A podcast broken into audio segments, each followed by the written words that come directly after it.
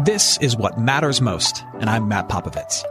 Look, life is crazier than ever, and lots of people, maybe even you, are feeling anxious and overwhelmed.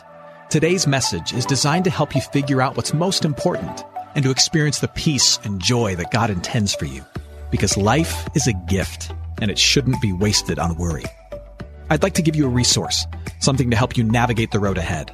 Just go to mattpopovits.com, click on the icon, and we'll send it to you. That's Matt, P-O-P-O-V-I-T-S dot com. And hey, if you happen to live in the Houston area, I'd love to see you on a Sunday morning at St. Mark in Spring Branch. Head to stmarkhouston.org to plan your visit. Here's today's message. Thanks for listening. First thing I want you to write down is this.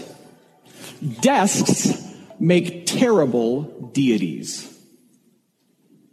Desks make terrible deities. Another way to say this is that even the best job is a bad God. Uh, many will say that, that uh, especially here in the West, we are becoming less religious. And I would say that that's technically not true. What, what I would say is that we are becoming less traditionally religious.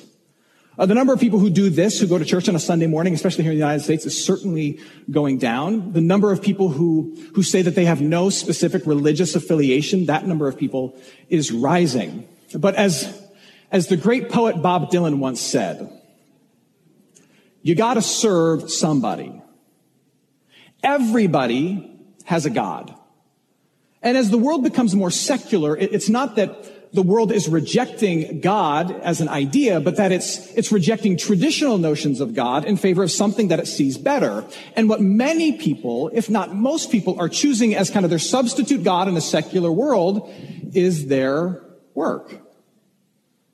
Work becomes the thing through which you derive your meaning and your purpose and your sense of identity, your sense of welfare and well-being as a person. How do I know if I'm good enough? How do I know if I'm loved? How do I, how do I carve a pathway to peace and out of pain? We're starting to find that more and more from work. So case in point, we see this even in the youngest generation.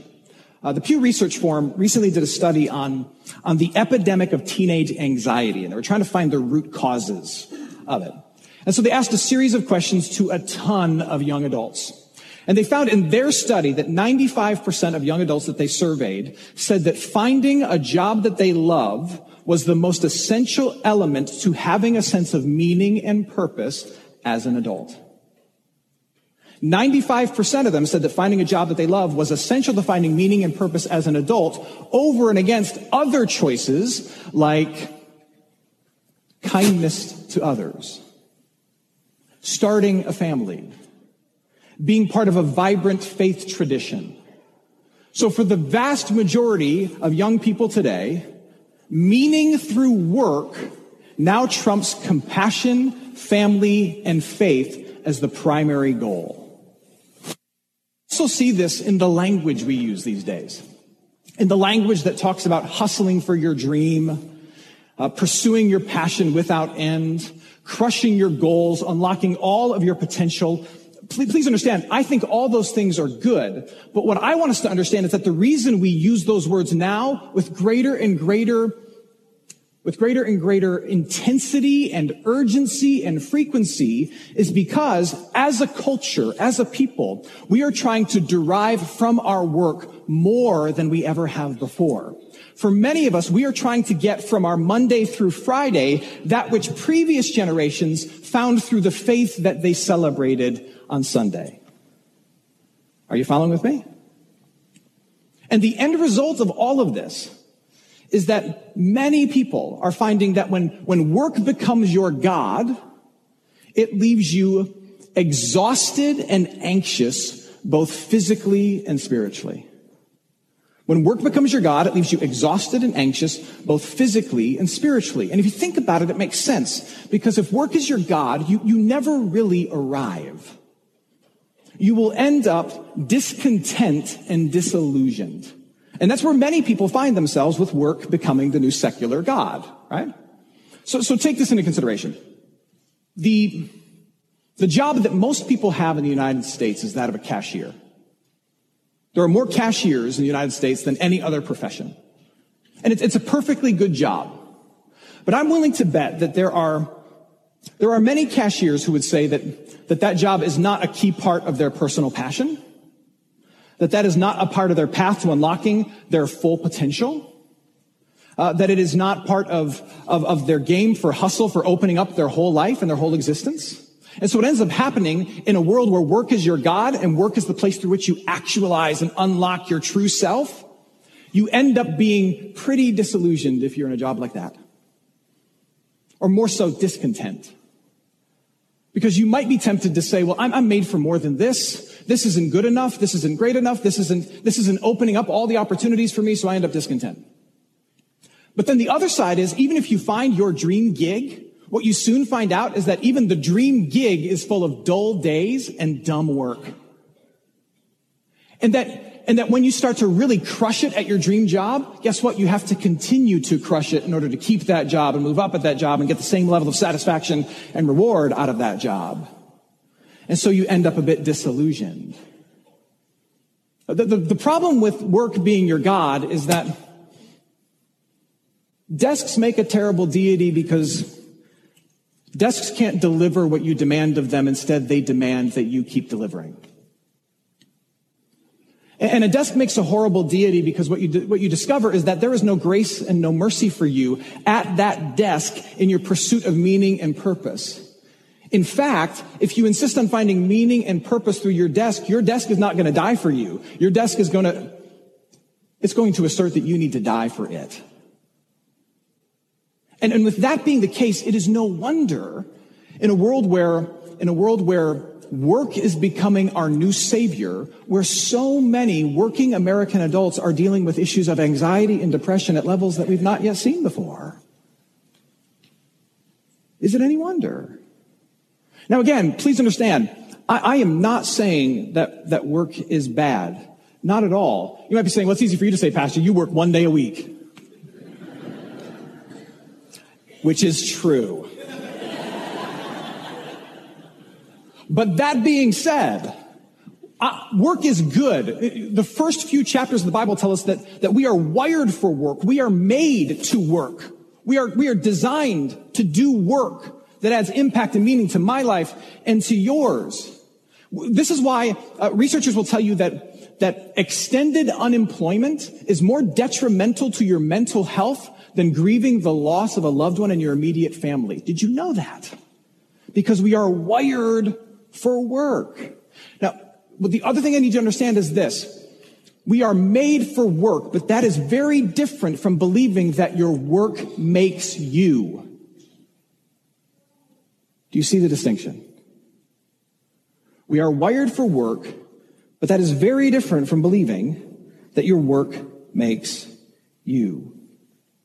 Scriptures teach us that work is good.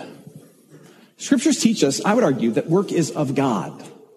That work, all work, is divine. That all work is divine and it is of God because it's a partnership with God. Um, not too long ago, I asked my four-year-old this question. I said, who makes everything? And without missing a beat, he looked at me and he said, mommy. Mommy makes everything. I said, no, son. Mommy does everything. But the answer I was looking for is God. God, God makes everything, right? So, so as people of faith, what we believe is that, is that all things ultimately, all things ultimately flow from God's hand. And all things are sustained by Him. Which is why as people of faith, when, when good things happen, we, we give Him praise. And when bad things happen, we look up to the heavens and we ask Him why.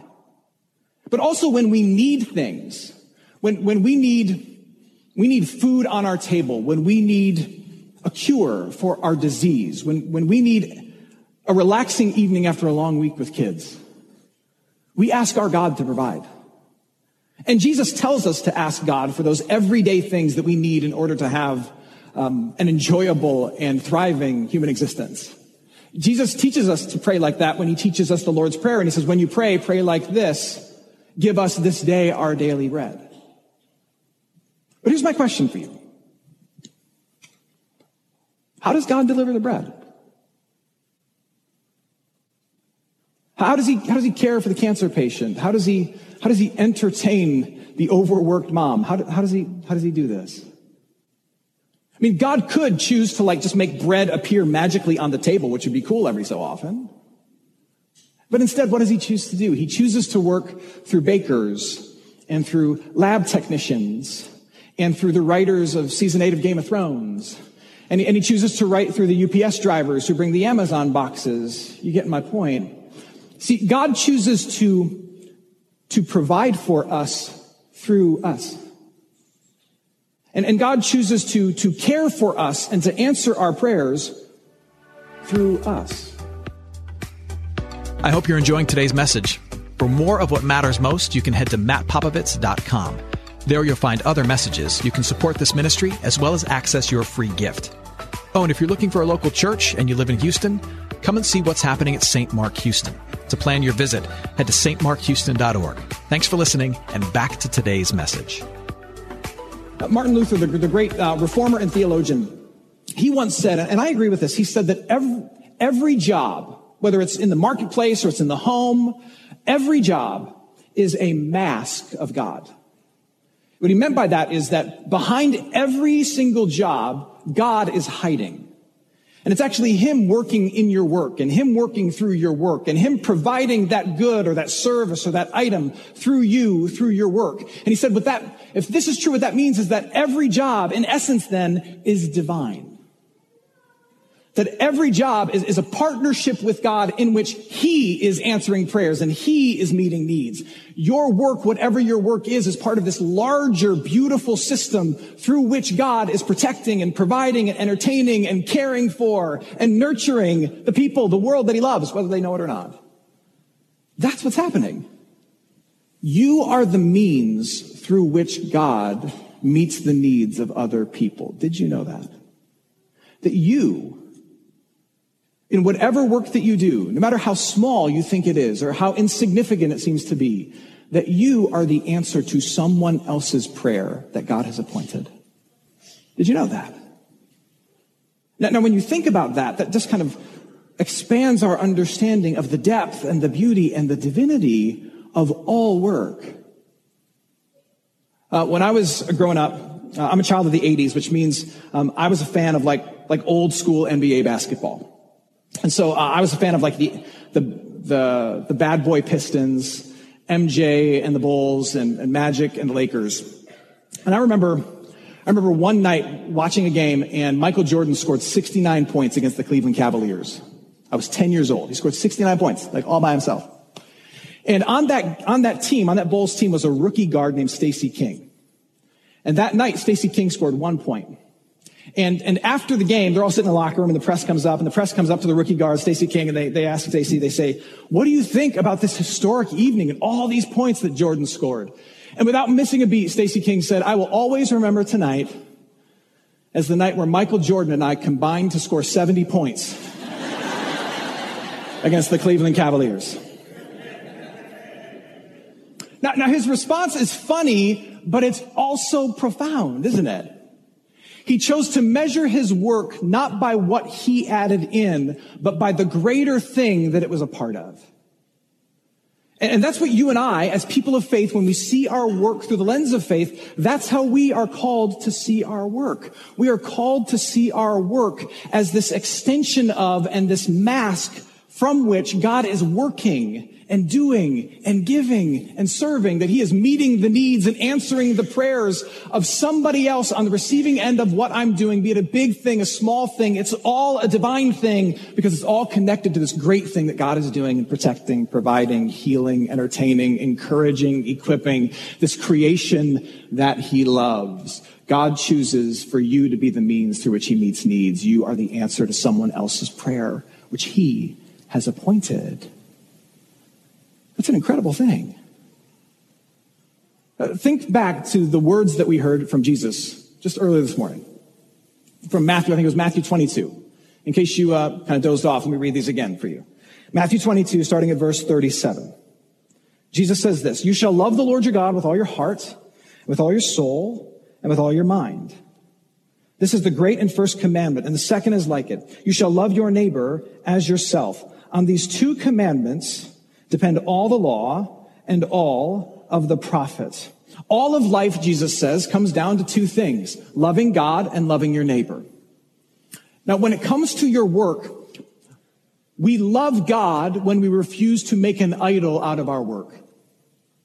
And we find great purpose in our work when we understand that our primary purpose of work is not to serve us, but that the purpose of our work and all of life is to serve and to bless somebody else.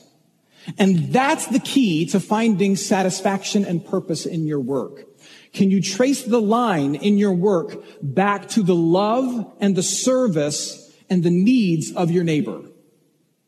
Whatever your work is, whether it's in the home, in the marketplace, whatever it is, can you trace your work back to the needs of your neighbor? Can you see in some small way how what you're doing, whether you are making change at a register, or you are designing a new rig, or you are babysitting the grandkids, or you are folding laundry, is part of this greater thing that God is doing to meet someone else's need, to bless someone else's life. Are you able to see it? You know, in our idolatry of work, we, we tend to put this pressure on one another that says, your work should change the world. But do you see how arrogant and ultimately self-defeating that is? Very, very, very few of us will ever do work that gets the attention of the entire world. Very few of us will be influencers or Nobel Prize winners or headline makers. But if what we're studying is right, what it means is that while very few of us will influence the entire world, each, each one of us has this calling to change little worlds, small worlds, and individuals, to, to bless that individual's world and then and then God, in his sovereignty and his power, he, he ropes all of that together in his care and his service and his love of the whole. And the way you're able to embrace this attitude, the way you're able to embrace this attitude in your work is by understanding and embracing the work of Jesus. The reason you're able to see that your work is not ultimately about you, but your work exists for somebody else, and, and, and, that you allowed yourself to find great purpose and meaning in that in your work is because you begin to understand that the things your work can never give to you have already been offered to you and won for you in Jesus. That, that's really the key. If you're going to make this shift, you know, sometimes people will say, you know what, I'm in a job and, and, I, I can't see how it makes the world a better place. I can't be in this work anymore. I can't see how it adds any good to the world. And, and if you're at that place and you're at that place for a long time, maybe it is time for you to look and do something different. Maybe. But very often, here's what the, here's what it is. It's about you making a change in your own heart and understanding that we have to understand that our work is ultimately not for us but that we have to open our eyes wider to see how our work benefits and blesses somebody else. That's what it's about. And the reason you're able to live in that place and get to that place ultimately as a person of faith is because you understand that what your work can't give to you, Jesus has already won for you. Desks make terrible deities, but Jesus is a really good one. Because Jesus has connected you to your creator. And so now you know that you're a part of something much, much bigger. You know that now. And, and your work lasts forever because he lasts forever and you're part of his work. And, and Jesus promises that you are part of God's family and that you have his favor and his approval. And so no matter how you perform at your work, you're still loved by the one who made you for that work. And because of Jesus, you also know that all of your guilt and all of your shame is forgiven. In fact, whatever shame you carry has been, has been drained of its power. So now you no longer have to work to prove that you're, you're worthy and prove that you're lovable, to prove to the world that you're, you're worthy of respect. You have all the love and respect from the only one who matters. And Jesus doesn't demand anything from you to get those things that he's earned for you.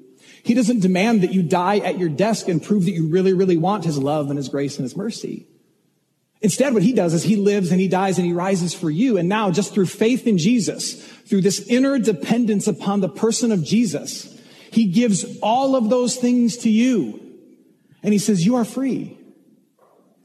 And, and you are free to let your work just be work. Important, yes.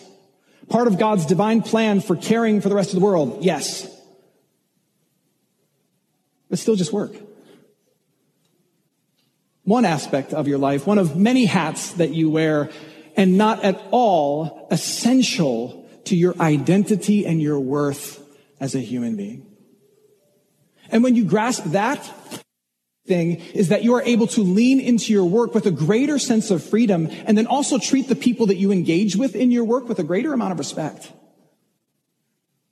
Because Jesus is giving to you everything that you want to get from your work, but it can't deliver. Because Jesus has given you all those things. Take a risk at work. Even if you fail, still have the favor and the love of God, even if you fail. Not only that, your work cannot save you. And so busting your back at work to the detriment of your family, to the detriment of your health, it gets you nothing. It doesn't save you. It doesn't make you a better person because Jesus has already done those things. So you don't have to do that. You're free. Likewise, it leads you to treat the people that you work with and under and for with greater dignity and greater respect. You see, if, if my job is my God, then all the people I work for and I work with, they're just a means to an end.